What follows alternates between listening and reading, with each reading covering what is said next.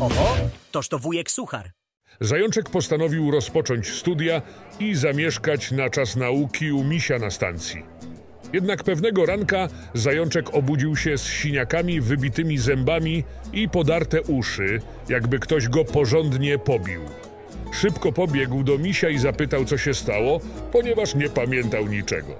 Misiu spokojnie odpowiedział: Zajączku, przyszedłeś do domu pijany, więc dałem ci nauczkę. Zajączek odparł: Ale misiu, rozumiesz, teraz mam szkołę, dużo nauki, presję ze strony nauczycieli i czasem zdarza mi się wypić. Proszę, bądź dla mnie wtedy wyrozumiały. Misiu zgodził się na to. Miesiące mijały, aż pewnego dnia zajączek obudził się jeszcze bardziej posiniaczony, bez zębów i z podartymi uszami. Wyglądał tak, jakby zderzył się z pociągiem. Ponownie pobiegł do misia.